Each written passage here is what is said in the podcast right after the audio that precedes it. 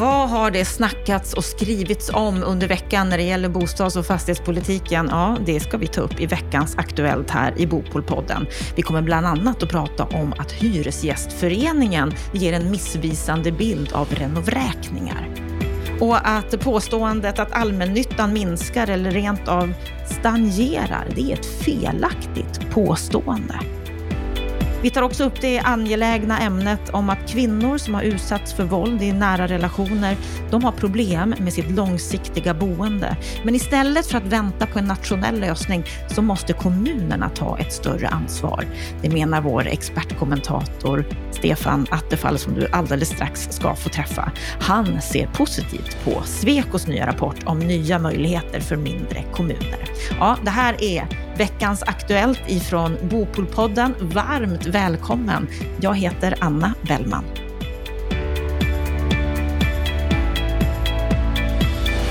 Vi börjar veckans Aktuellt med en debattartikel om renovräkningar. Det är Hyresgästföreningen som än en gång är ute och menar att det här, det är en tickande social bomb. Att det finns saker att göra för att stoppa utvecklingen med så kallade renovräkningar som innebär en så kraftig hyreshöjning att hyresgästen inte längre har råd att bo kvar. Och de menar att skattefria underhållsfonder, statliga renoveringsstöd och möjlighet för hyresgästen att välja nivå på renovering och på så sätt kunna påverka hyresnivån. Det är tre bra vägar framåt. Det här skriver Marie Linder och Ronny Bengtsson på Hyresgästföreningen i en debattartikel i Göteborgs-Posten. Ja, Stefan Attefall, vad säger du om deras utspel här? Ja, det är ju gamla känd eh, maner från Hyresgästföreningen.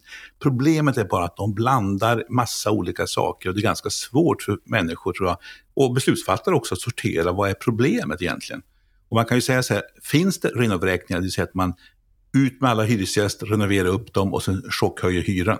Nej, inte så ofta längre. Därför att de flesta faktiskt gör istället renoveringar av lediga lägenheter. Det är möjligt att en del kommunala bostadsbolag och fortfarande praktiserar i hög grad det här med att man tömmer ett hus och gör en rationell storrenovering av hela huset. Men i de flesta fall så gör man det när, när lägenheten står tom och så tar man då stambyten och badrum och allt sånt där och så gör man standardhöjning. Eh, det andra är ju att varje sån här renovering måste ju komma överens om en hyresgäst, om hyresgästen finns där.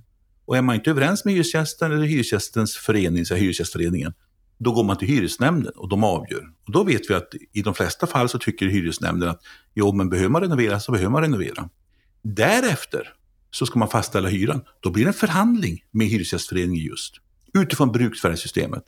Och blir inte Hyresgästföreningen överens med fastighetsägaren, då kan hyresnämnden få avgöra också hyran. Men det är två olika omgångar och, båda, och det här bygger på bruksvärdesystemet. Det vill säga, om jag renoverar en lägenhet, får en nyproduktionsstandard nästan till, ja då kan jag ta en hyra som är jämförbar med andra lägenheter med motsvarande standard. Alltså bruksvärdessystemets grundtanke, som Hyresgästföreningen försvarar. Alltså, är de för bruksvärdessystemet eller är de inte det? Eh, så att det här tycker jag man bör sortera upp alltså.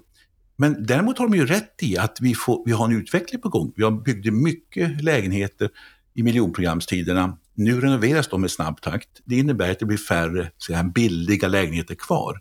Det är ju korrekt. Det är en social utmaning. På den punkten håller jag helt med Hyresgästföreningen. Men det kan ju inte vara lösningen kan ju inte vara att vi slutar renovera. För då kommer vi få slumbostäder till slut. Och då pekar de också på andra lösningar, så att staten ska gå in och börja subventionera massa saker. Ja, för, för, för det första så är det frågan då, ska skattebetalarna subventionera eh, vissas eh, bostäder? Och det är ju inte alltid så att det är de fattiga som kommer åt de här nyrenoverade lägenheterna som har fått subventioner då. Utan det är ofta de som har, står långt fram i köerna, exempelvis i bostadsförmedlingen, vilket ofta är människor som redan har sitt boende ordnat. Eh, eller att man på andra sätt inte har någon speciellt ekonomisk utsatt situation. För de andra, de kommer inte ens in på, de har inte ens kötider eller kommer in på bostadsmarknaden. Så att det, är, det är inte alltid det ur socialt perspektiv de mest effektiva att börja jobba med olika typer av subventioner. Eh, då är det bättre att ge pengar till hushållen, så bostadsbidrag. Men det hör vi inte Hyresgästföreningen prata så mycket om. Så att man måste sortera upp de här sakerna. Men det, det, det är också en sak som är viktigt att komma ihåg, det är att bruksvärdessystemet skapar också en mekanism som gör att det är ganska eh, lönsamt att rusta upp en lägenhet alltså avkastningen på insatta pengar, är i regel relativt god jämfört med att fortsätta underhålla och sköta om fastigheten som den är. Därför är det också en sån här mekanism med bruksvärdessystemet. Och det tycker jag är en sak som Hyresgästföreningen skulle ta tag i mycket mer, att i årliga förhandlingar, hyresförhandlingar, premiera de som jobbar med höga ambitioner när det gäller underhåll. Nej, de får lika mycket i hyreshöjning som de som inte är lika ambitiösa. Här vet jag det pågår en diskussion, men där tycker jag Hyresgästföreningen skulle kunna komma vidare och med sitt sätt att jobba i de årliga förhandlingarna premiera fastighetsägare som sköter om sina fastigheter och gör varsamma förändringar. Men eh, det tycker jag inte man ser så mycket av. Så det man kan säga när det gäller deras eh, debatt här så är de ju rätt ute att det finns saker att göra för att vi ska få ett mer fungerande system. Det är helt korrekt att de billiga lägenheterna försvinner ju mer och mer, men att lösningen är inte riktigt helt korrekt. Nej, men så blandar de också tycker jag, när de, de kör det här med renavräkningar. Alltså det är ganska sällan det förekommer att du tomställer ett hus och sen säger åt hyresgästerna nu ska du flytta in med 60-procentiga hyreshöjningar. De förekommer, de finns och de blir mycket uppmärksammade, uppmärksammade i debatten. Men den stora massan som renoveras nu, det görs med, Medan man, när, man, när lägenheten står tomma. Liksom. Det, det är den stora, och där finns ju mycket privat kapital som kommer in via privata fastighetsägare.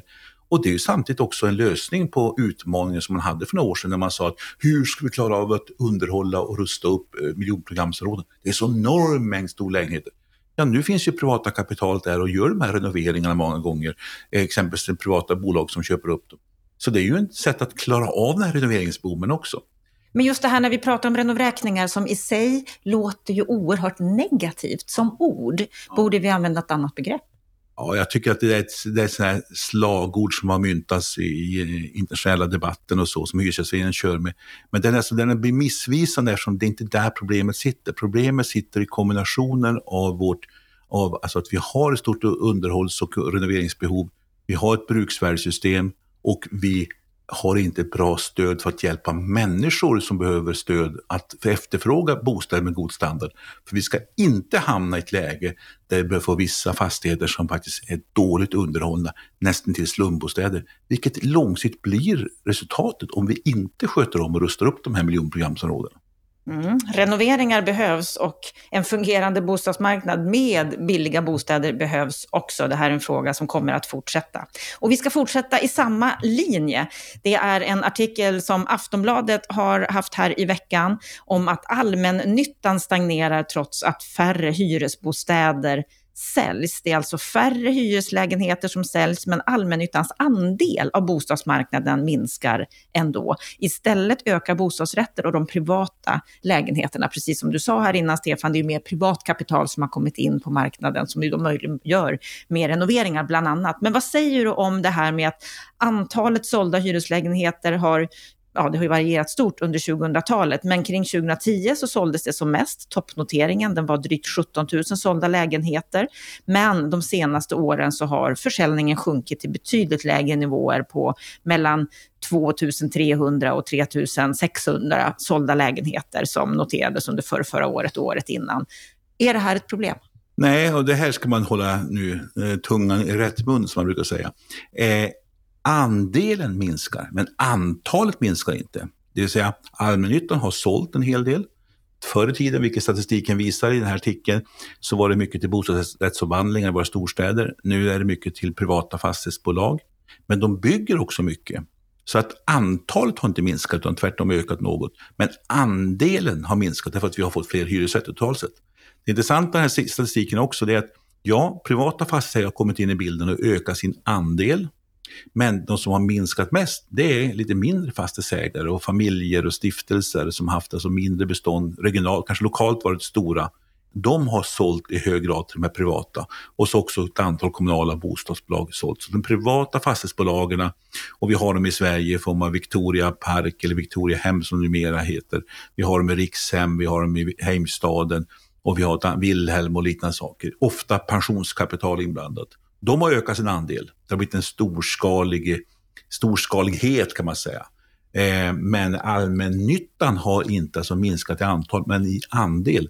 Jag tycker inte det är ett problem. Eh, På vissa orter skulle jag säga så här, där bör nog allmännyttan minska ytterligare, för där är man oerhört dominant.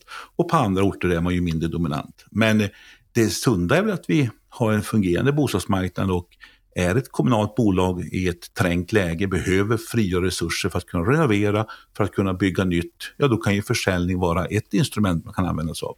Alternativet är att skattebetalarna ska pumpa in pengar och det tror jag inte skattebetalarna alltid vill. Det har ju pratats om utförsäljning av allmännyttan. Vad gillar du det begreppet? Man kan ju slå upp svenska encyklopedin, nationalencyklopedin och så läsa begreppen utförsäljning. Då säljer man ut för att man lägger ner. Eller försäljning, vilket det handlar om. Så att det där är också intressant att alla med lite vänsteragenda använder begreppet utförsäljning och de övriga eh, som eh, vill jag påstå följer svenska språkets rekommendationer använder ordet försäljning, vilket är korrekt. Och det vi kan säga är ju att det har sålts en hel del, som sagt, under 2000-talet här. Men på måndag, då kommer vi att gräva lite djupare i just de här försäljningarna och att det inte har gjorts så många utvärderingar av de här försäljningarna. Då kommer vi att träffa Linda Lövgren på VSP som har undersökt varför det ser ut på det sättet. Varför görs det inte fler utvärderingar när allmännyttan säljs till privata aktörer? Något som ju påverkar den lokala bostadsmarknaden. Här i veckans Aktuellt ska vi gå vidare till en annan nyhet som har stått i Svenska Dagbladet, nämligen att våldsutsatta kvinnor måste få en bostad. Att en egen bostad, det är vägen till trygghet för de kvinnor som har utsatts för våld i en nära relation. Flera S-politiker menar att det behövs en nationell bostadsförmedling för våldsutsatta kvinnor. För många är det inte ett alternativ att bo kvar i sin hemkommun på grund av hotbilden. Vad säger du om deras krav här på att ha en nationell bostadsförmedling för våldsutsatta kvinnor? Ja, först får man ju säga att det är ett angeläget eh, samhällsproblem man tar upp. Eh, de citerar tror jag, statistik från BRÅ, Brottsförebyggande rådet, som pekar på att under 2020 var det 23 200 fall av misshandel av kvinnor över 18 år och 80 procent av dem, eh, av dem var just kvinnorna bekant med förövarna och då är det ju hög grad i hemmen och sådana saker. Så det här är ett jättestort problem. Det har ju utvecklats en ganska stor skala av olika sätt att hjälpa kvinnor att hitta en tillfällig bostad, att komma undan liksom akuta läget. Det säger ju de folk i branschen, det fungerar hyfsat väl. Det finns säkert mer att göra, särskilt på vissa orter. Men det stora problemet ligger ju, vad händer därefter? Alltså hur kommer de in och hittar en egen bostad? De här kvinnorna har ju sällan då stora kapital eh, på banken. Liksom. Ofta har de ju haft en man som har kontrollerat även deras ekonomi. De har inte kanske jättehöga inkomster och de har inte stått i kö i bostadsförmedlingsköer och liknande saker. Alltså de, de saknar helt förutsättningar att få tag på en riktigt bra bostad. Och särskilt om de har barn också så måste det vara en bostad som funkar för det också. Där ligger stora problemet.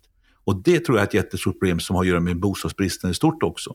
Deras lösning här, de här S-politikerna, det är ju att man ska ha en nationell förmedling av bostäder.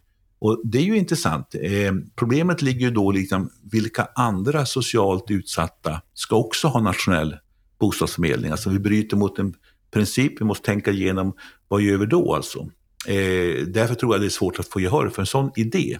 Men här finns ett problem som jag tror man måste fundera på kommun, kommunal nivå. Hur skapar jag, ska säga, någon typ av förturer för människor som har en speciellt socialt utsatt situation? Det gäller också fler grupper än, än just eh, kvinnor som utsatts för våld i nära relationer. Men där ligger utmaningen. Hur hittar vi de här mekanismerna? Ja, där skriver de ju bland annat i sin artikel att de tycker att det ska vara obligatoriskt för landets kommuner att bidra med hyreslägenheter till den här nationella förmedlingen. Ja, och här tror jag faktiskt man kan, i avvaktan på nationell lagstiftning och nationella krav, vara verkstad ute i kommunerna. Fundera på hur man kan införa den typen av, av förturer för att hjälpa till i sådana lägen. Där kan kommunpolitiken och kommunala bostadsbolag, men också samverkan med privata fastighetsägare, hitta många lösningar. Det måste, måste bara till lite verkstad, lite hantverk och lite kontakter och fixa dona och prata med varandra. Och där tycker jag det brister många, många ställen. Och något som ofta vi kommer tillbaka till som också brister, det är ju att vi har för få lägenheter, för få bostäder i vårt land, att vi behöver bygga mer.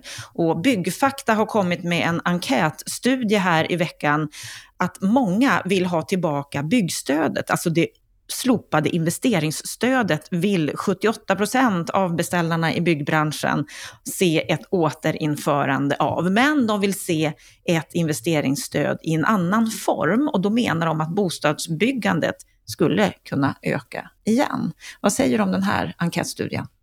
Jo, då, det här är ju självklart så att de många som håller på att planera projekt och så räknar man att kunna få ett stöd så får man inte det. Då inser man att ja, men nu funkar inte kalkylen. Jag eh, kan förstå det. 73 procent som sagt var vill ha tillbaka någon form, men alla har kritik mot nuvarande stödet också. Eller alla, men åtminstone en eh, stor grupp. Och ett av problemen har ju varit att fortfarande de som sökte i våras, förra våren alltså, har inte fått besked ännu. Alltså stödet, alla de här stödformerna skapar massa byråkratiska problem. Och jag brukar säga så här, ska man ha den här typen av investeringsstöd, då måste det finnas en bred politisk uppgörelse så att man inte får det här kasten fram och tillbaka. Och så måste man ha så generella och enkla regler och så ska de ligga fast över tid. Men då kommer nästa fråga. Är det här ett effektivt sätt att, att hjälpa människor in på bostadsmarknaden? Ja, vi vet ju att det här kostar statskassan stora pengar. Eh, de här 3-3,5 miljarderna som var avsatta kommer inte räcka riktigt. Eh, nu är det borta. Nya pengar ska tillföras för att klara av bara den befintliga kön. Men om du använder samma pengar för att hjälpa hushåll med bostadsbidrag och, andra typer av stödformer, är inte det effektivare? För vem får de här nya producerade lägenheterna som är, har en något nedsatt hyra? Som fortfarande är relativt dyra jämfört med det gamla beståndet, men ändå. Jo, det är de som står längst fram i bostadskön i de kommunala bostadsbolagen eller i Stockholms bostadsförmedling. Ja, vilka det? De som har stått i kö i kanske årtionden och som har oftast en ordnad, ordnad bostad redan och fått chans att få tag på en lägenhet med av skattebetalarna subventionerad hyra. Dessutom blir ju ofta fast byggarna också lite lata. När man måste pressa sina kostnader, jobba med dem för att hålla tillbaka kostnadsbilden, då blir man också effektivare och man har kanske lite grann också varit lite, lite, lite, eh, ska vi säga, räknat med investeringsstöd och inte behövt jobba med kalkylerna så mycket som man måste göra nu när investeringsstöd är borta. Jag tror att det finns bättre sätt än investeringsstöd. Det är ett ganska ineffektivt sätt. Men ska man ha det, då ska det vara långsiktiga spelregler, breda partipolitiska överenskommelser, enkla regler och inget tjafs. Vilket ju historien hittills visat att det varit mycket av den varan. Vi ska avsluta veckans Aktuellt härifrån Bopolpodden med en artikel om Sveriges nya geografi. Alltså under pandemin då kan man ju säga att eh, saker och ting har förändrats. Det är många svenskar som har flyttat. Totalt genomfördes nära 1,6 miljoner inrikesflyttar, vilket är en ökning med mer än 60 000 jämfört med året innan. Det här visar en rapport från Sweco och de menar att landsbygdskommunerna, de är vinnarna, men att det nu är dags för snosstäderna att vakna och att kommuner nära storstäderna behöver se över sin omsorg, sin avfallshantering och en hel del annat. Det är dags att de vaknar upp ifrån sitt snosläge. Ja, vad säger du om den här nya rapporten från Sweco? Jo, det är intressant. De drar väl ut de här trenderna som man börjar se efter pandemin. Med både att man söker sig till större bostäder, man söker sig ut närmare naturen, man, man kan jobba mycket mer hemifrån etc. etc. Och så drar de ut det här i hela landet och får intressanta siffror fram till 2030. Man ska komma ihåg att det här finns också en demografisk effekt, exempelvis i Stockholmsområdet, att vi har haft mycket, eh, många som har varit i barnafödande ålder, familjebildande ålder. Och det är klart, när de får barn, då blir det viktigare att skaffa sig en större bostad närmare marken och då tvingas man av kreditrestriktioner och prisbilden ut ur storstaden och ut till angränsande eh, län eller, eller områden. Eh, men det är nog riktigt att de demografiska förändringarna i kombination med de här trenderna det skapar nya förutsättningar. Lägg där till de här äh, byggboomarna byggboomarna exempelvis i norra Sverige kring äh, råvaror, industri, batterifabriker etc. Så får du ganska intressant utveckling. Jag noterar mitt gamla hemlän Västerbotten så är prognosen att Umeå som varit den ständiga tillväxtmotorn skulle backa något medan Skellefteå då som haft lite mer berg och dalbana i befolkningsutveckling, de går stadigt framåt då. Och ni vet ju vad som byggs upp i Skellefteå med batterifabrik och liknande saker. Så att vi håller på att få en förändrad karta och förändrade förutsättningar. Och de har ju helt rätt i rapporten här. De här kommunerna som nu har kanske haft lite jobbigt, de kanske ser en ljusning. Och kan de då steppa upp och, och, och bygga bostäder och, och, ha en bra attraktiv samhällsplanering så kan de bli mycket intressant pendlingskommun exempelvis i storstäderna. Eller för människor som vill ha en annan livsstil. Det går i vågor de här sakerna. vi som varit med länge vet att på 70-talet så var det gröna vågen och liknande saker. Så att det kanske finns en ny chans för de mindre orterna och det vore ju jätteskojigt. Det Sweco också lyfter upp, förutom de här små orterna som kanske mer har varit snostäder, eh, det är att det också finns pendlingskommuner som de lyfter som teamsstäder. Kommuner som exempelvis Danderyd, Härryda, Vellinge, som har många medborgare som jobbar med mer distansvänliga branscher, där de kan jobba mer hemifrån. Där det har varit tomt dagtid tidigare, men som nu kan fyllas med hemmajobbare. Och de menar att de här Teams-städerna, som de flesta ligger i större regioner, att de också behöver tänka över sin samhällsplanering och hur de ska jobba framåt. Och eh, Sweco menar att det är viktigt att lyfta in alla de här nya förutsättningarna i samhällsplaneringen framåt. Det är en intressant utveckling. Ja, och det tror jag ställer nya frågor till kommunala planerare men eh, vi vet ju också en annan faktor som är viktig också, att de kommuner, ta exempelvis Knivsta som ett bra exempel i Stockholmsregionen, som har byggt mycket bostäder, de får också en kraftig befolkningsökning. Alltså kommuner som tillhandahåller bostäder och gör det på ett attraktivt och även prisvettigt sätt, de kommer också att växa. Så att det handlar mycket om vad du själv gör, inte bara vad trenderna säger. Vi kommer att förhoppningsvis få djupdyka lite mer i den här rapporten. Vi ska försöka få Helena Liljegren ifrån Sweco att gästa oss här i podden. Och med det så gjorde vi en inbjudan till henne. Och med det så eh, avslutar vi veckans Aktuellt för den här veckan. Det senaste som har hänt inom bostads och fastighetspolitiken. Och eh, uppmanar dig att gå in på bostadspolitik.se för där finns det ännu fler artiklar, kröniker, rapporter att förkovra sig i. Kom också ihåg att anmäla dig till vårt nyhetsbrev. Varje fredag så får du en bra ledare, det senaste som har hänt i branschen sammanfattat i ett mejl. Med detta så önskar vi dig en riktigt trevlig helg.